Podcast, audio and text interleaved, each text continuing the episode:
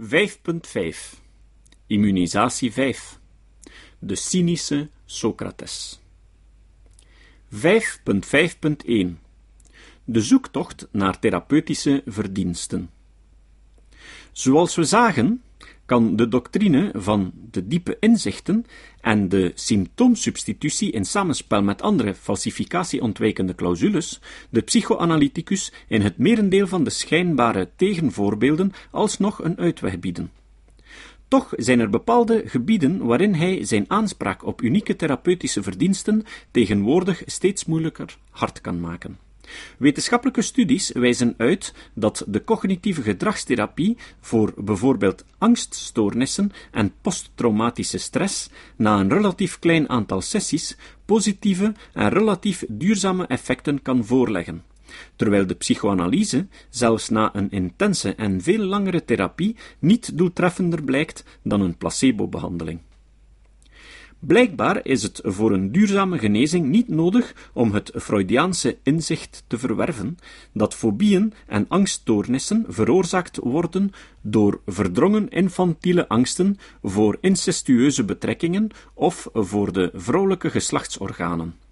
Voor vele mentale aandoeningen heeft de wetenschap weliswaar nog geen doeltreffende behandeling gevonden, psychotherapeutisch of farmacologisch, maar dat neemt niet weg dat de psychoanalyse in haar honderdjarig bestaan op nog geen enkel gebied haar beloofde superioriteit ten opzichte van de andere therapieën heeft kunnen bewijzen.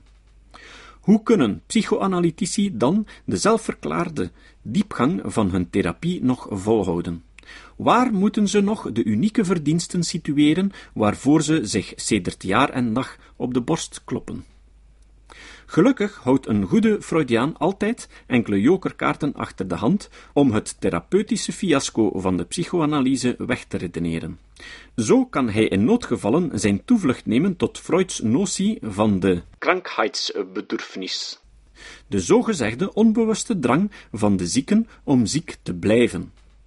Misschien een verlangen om het ongelijk van de analyticus te bewijzen en zo de innerlijke complexen niet te hoeven aanvaarden? Net zoals het argument van de weerstand laat deze jokerkaart toe om de schuld van de therapeutische mislukkingen in de schoenen van de patiënt te schuiven. Anderzijds kan ook het verlangen van de patiënt om te genezen onder het analytische scalpel belanden.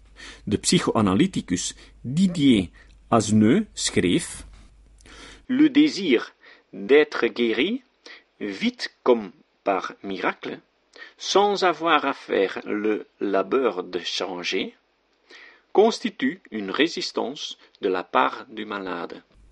Dat het argument van de weerstand allerwegen inzetbaar is, mag ons niets verbazen, maar dat is wel een heel merkwaardige toepassing ervan. Bedoelt Anzieu dat het verlangen van de patiënt om al te snel te genezen contraproductief is voor de werking van de therapie? Mogen we er dan niettemin toch van uitgaan dat de uiteindelijke genezing van de patiënt het doel blijft van de therapie? Of toch op zijn minst een vermindering van zijn leed? Dat is toch waar het in elke psychotherapie, dus ook in de psychoanalyse, omdraait? Of niet?